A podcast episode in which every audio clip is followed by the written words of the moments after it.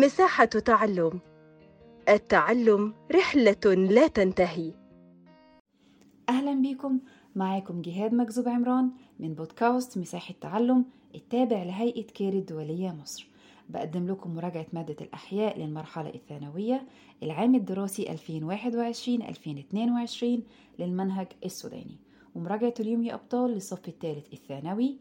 الحلقة الرابعة واللي هنتكلم عنها وهنبتدي فيها التكاثر الجنسي في الكائنات الحية. طيب استفدنا في التكاثر اللاجنسي نيجي بقى نتكلم عن التكاثر الجنسي. نفتكر بقى مع بعض كان تعريف التكاثر الجنسي كان عبارة عن إيه. قلنا في فصولنا إنه التكاثر الجنسي ده كان هو عبارة عن عملية تمام حيوية أو نوع من التكاثر كان بيشترط وجود أبوان يعني ذكر وأنثى كل منهم بينتج حاجة اسمها أو خلايا اسمها الأمشاج والخلايا أو الأمشاج دي من بتنتج من الخلايا التناسلية. يعني مثلا الأمشاج المذكرة كانت بتنتج من مثلا إيه المتك في النباتات والخصي في الحيوان والإنسان وكانت بتنتج خلايا أو أمشاج يطلق عليها اسم الحيوانات المنوية. أما بالنسبة للأمشاج المؤنثة فكانت بتنتج من خلية تناسلية اسمها المبيض وكان بيطلق على الأمشاج المؤنثة اسم البويضات سواء كانت في الإنسان أو النبات أو الحيوان. وكان المشيج ده بيحمل نصف عدد كروموسومات اللي موجود في الخلية الأم. وعند اتحاد مثلا المشيج المذكر والمشيج المؤنث كان بحصل على رقم أو عدد كروموسومات 2N إن مذكر وإن مؤنث بيدوني هما الاتنين خلية اسمها الزيجوت تمام؟ أو البيضة المخصبة اللي بتحتوي على عدد 2N من الكروموسومات. كانت إيه هي بقى أهم الخصائص اللي بيتميز بيها التكاثر الجنسي؟ نفتكرها كده مع بعض. أول حاجة إن هو كان بيحدث فيه إنتاج عدد من الأفراد أو بينتج عنه أفراد لهم نفس صفات الأبوين تمام؟ وده كان بيساعد الفرد على الموائمة يعني بيوائم نفسه ويلائم نفسه في الظروف البيئية الجديدة والمختلفة. في حالة النبات كان عندي أعضاء التأنيث فكرة ال ال اللي هي إيه المبيض كانت بتنتج عندي خلايا يطلق عليها اسم البويضات واللي هي الأمشاج وكانت بتكون قليلة في العدد وكبيرة نسبيا في الحجم وكمان كانت بتتميز إن هي لا تخزن بداخلها طعام يعني مش خلايا تخزين غذاء وكمان كانت بتحتوي على نصف عدد الكروموسومات اللي موجود في الخلية الأم. أما بالنسبة لأعضاء التذكير في النبات وهي تتمثل في المتك فكانت بتنتج عندي خلايا تناسلية أو أمشاك صغيرة بيطلق عليها اسم حبوب اللقاح وكانت حبوب اللقاح دي أبطال لو نفتكر مع بعض بتتميز إن كان لها أعداد كبيرة جدا وأحجامها صغيرة جدا جدا وكمان كانت بتحمل نصف عدد الكروموسومات اللي موجود في الخلية الأم. لما بنيجي بقى نشوف إن محتويات حبة اللقاح ومحتويات البويضة لما بيتحدوا ويندمجوا مع بعض كان بينتج عنهم ما يسمى بالزيجوت أو البيضة المخصبة والتي تحتوي على عدد كروموسومات 2N واللي هو بيكون بداخل مين؟ بداخل بذرة النبات. واللي بعد كده ممكن ينمو تمام؟ علشان يتم عملية الإنبات وعملية النمو لحد ما يدي نبات وإيه؟ وفرد جديد. أما في حالة الحيوان أو الإنسان الاتنين زي بعض تمام؟ فكان الحيوان المنوي وهو المشيج المذكر بيتحد مع البويضة وهي المشيج المؤنث وبرضه بيكونوا ما يسمى بالزيجوت أو البيضة المخصبة واللي بدورها بتحتوي على عدد كروموسومات 2N لأن سواء كان المشيج المؤنث أو المذكر في الحيوان برضه بيحتوي على عدد كروموسومات N تمام؟ آه وبدورها البويضة المخصبة دي كان بيتم عليها آه انقسامات عديدة بيطلق عليها اسم الانقسامات الفتيلية أو الميتوزية إلى أن تنمو وتصبح جنين والجنين بيكبر ويدي فرد جديد وفرد كبير. آه كان برضو من ضمن الخصائص اللي بيتميز بيها التكاثر الجنسي إنه بيحتاج لوقت يعني لحد ما الأفراد المذكرة والمؤنثة تكبر وكمان تنضج تمام للقدرة على القيام بعملية التكاثر. من أهم الفوائد بقى اللي بيقدر العلم أو مثلا بنقدر نستفيد بيها من التكاثر الجنسي إن بيحدث به تباين وراثي. أنا عندي فردين مختلفين ممكن يكونوا من بيئتين مختلفات فممكن. يعني إيه بحصل على صفات وراثية جديدة. ال... ال... الفرد الجديد بياخد مثلا نصف الصفات من الأب ونصف الصفات من الأم وبالتالي بيحدث عندي إيه؟ بيحدث عندي تباين في الصفات الوراثية. في حاجة مهمة جدا إن كان الانقسام التكاثر الجنسي يعني فكرة التباين الوراثي ده كان بيرجع دايما للانقسام الميوزي لأن في الانقسام الميوزي ده وإن شاء الله ندرسها بشكل أكتر في الوحدة الثانية وهي الوراثة كان بيحدث به ما يسمى بعملية العبور والتوزيع الحر للكروموسومات أو الصبغيات. فبتبتدي إن هي الصفات الوراثية تتلخبط وتتبدل من أماكنها ودي كانت من أهم مصادر التباين الوراثي. يبقى لما يجي يسألك في الامتحان يقول لك حدوث التباين الوراثي تمام بسبب الانقسام الميوزي ليه؟ بسبب حدوث عمليتي العبور والتوزيع الحر للصبغيات. ممتاز يا أبطال. تاني حاجة حاجة اسمها الإخصاب العشوائي. يعني إيه الإخصاب العشوائي؟ يعني عندي مشيج مذكر ومشيج مؤنث من فردين فرد مذكر وكمان كان بيكون فرد مؤنث. وكل واحد فيهم عنده صفات وراثية مختلفة وده برضو كان بيعد, بيعد نوع من أنواع التباين الوراثي. طيب إيه هي عيوبه؟ من أهم العيوب اللي بنواجهها في التكاثر الجنسي إن هو بيستلزم ويستهلك وقت طويل ولا ينتج أفراد كثيرة. تاني حاجة بيستلزم طاقة وبيستلزم كمان مادة تمام؟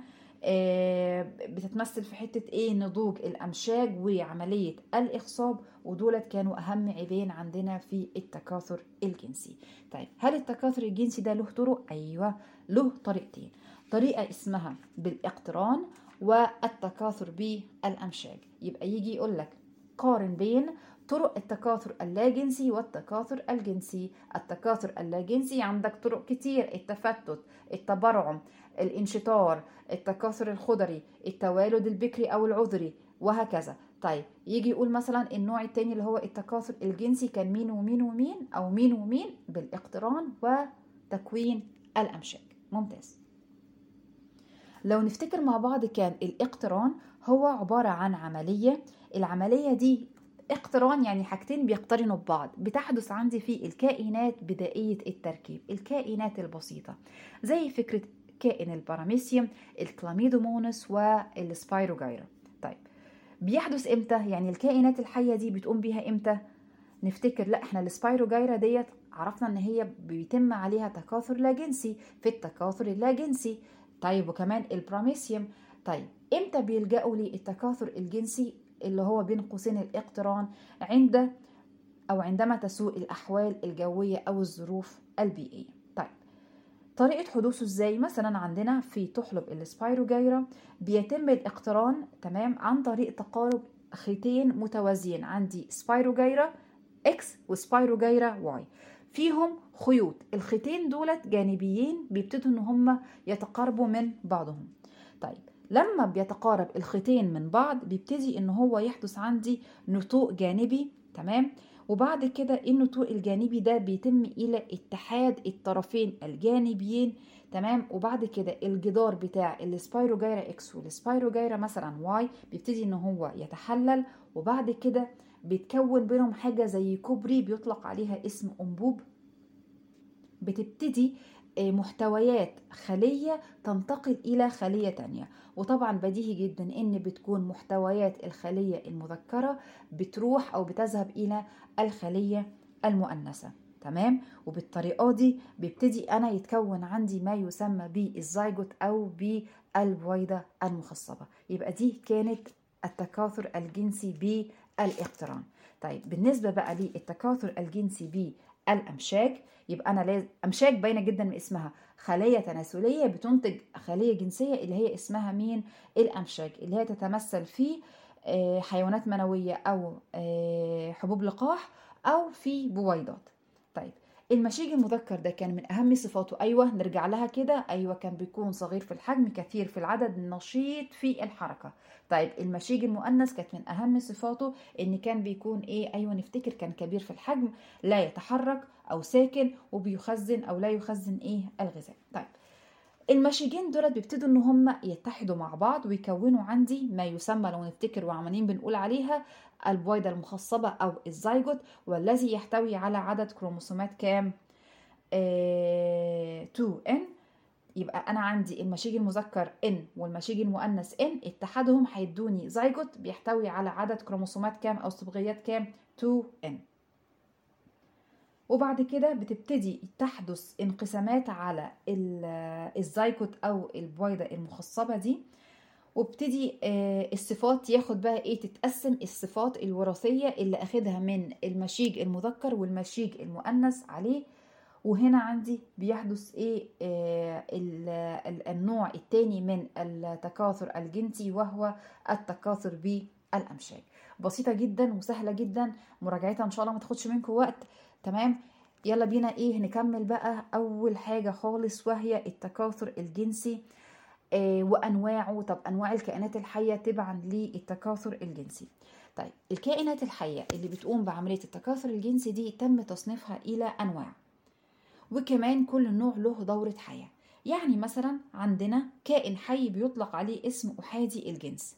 يعني إيه كائن حي أحادي الجنس؟ يعني الكائن الحي ده بيحمل نوع واحد من الأعضاء التناسلية إما تكون مذكرة أو تكون مؤنثة زي فكرة الإنسان أو زي زي فكرة الحيوان.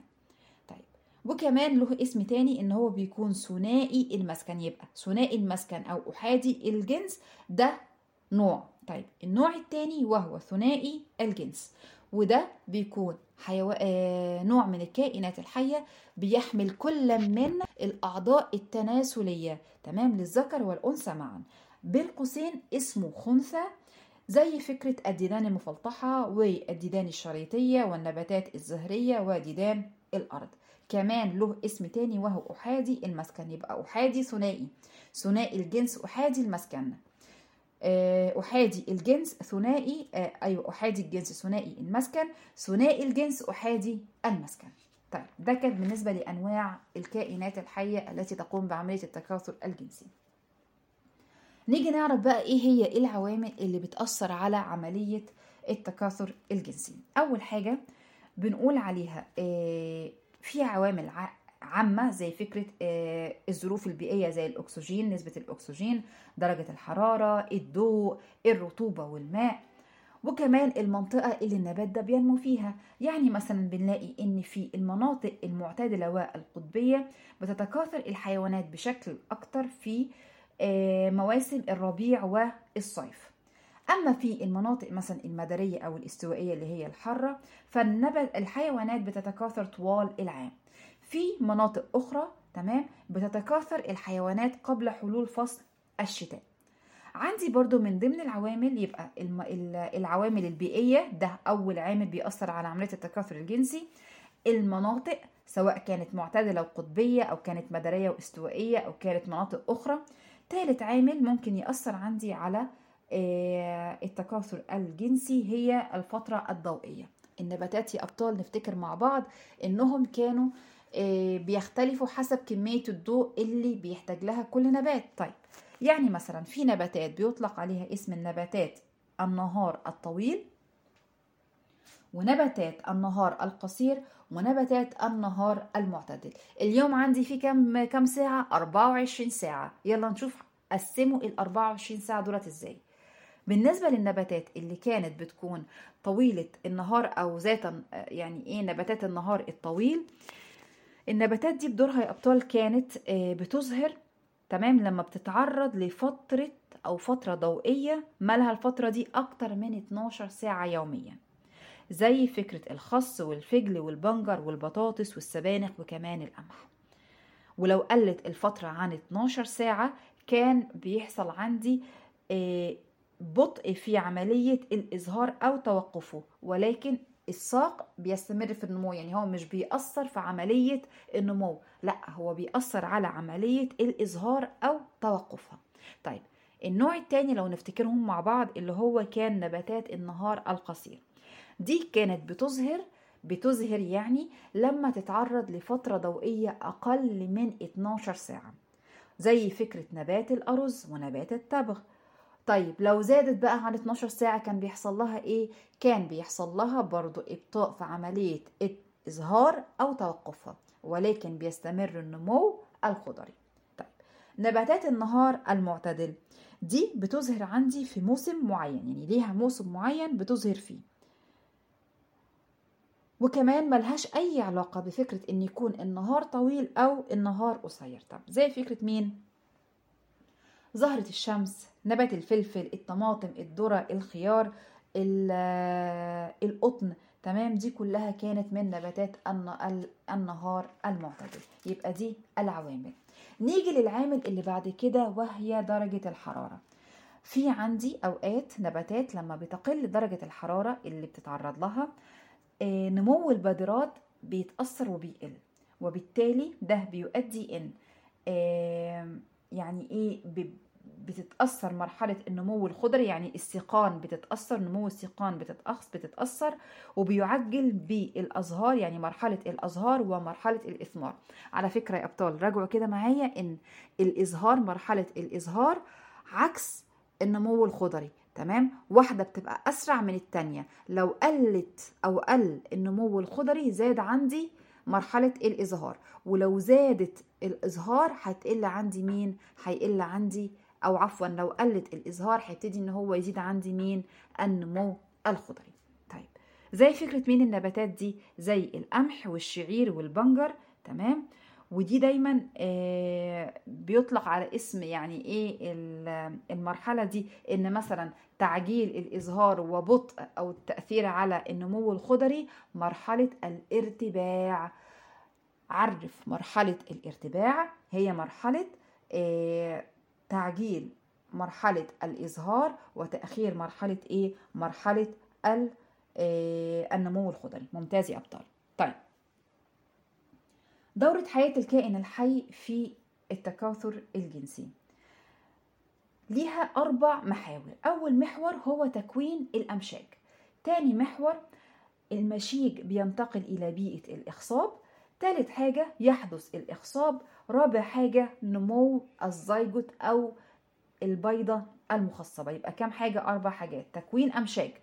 ها وراها كانت إيه؟ انتقال الأمشاج إلى بيئة الإخصاب تالت حاجة حدوث إخصاب خامس حاجة أو عفوا رابع حاجة كان نمو مين؟ نمو الزيجوت. تمام.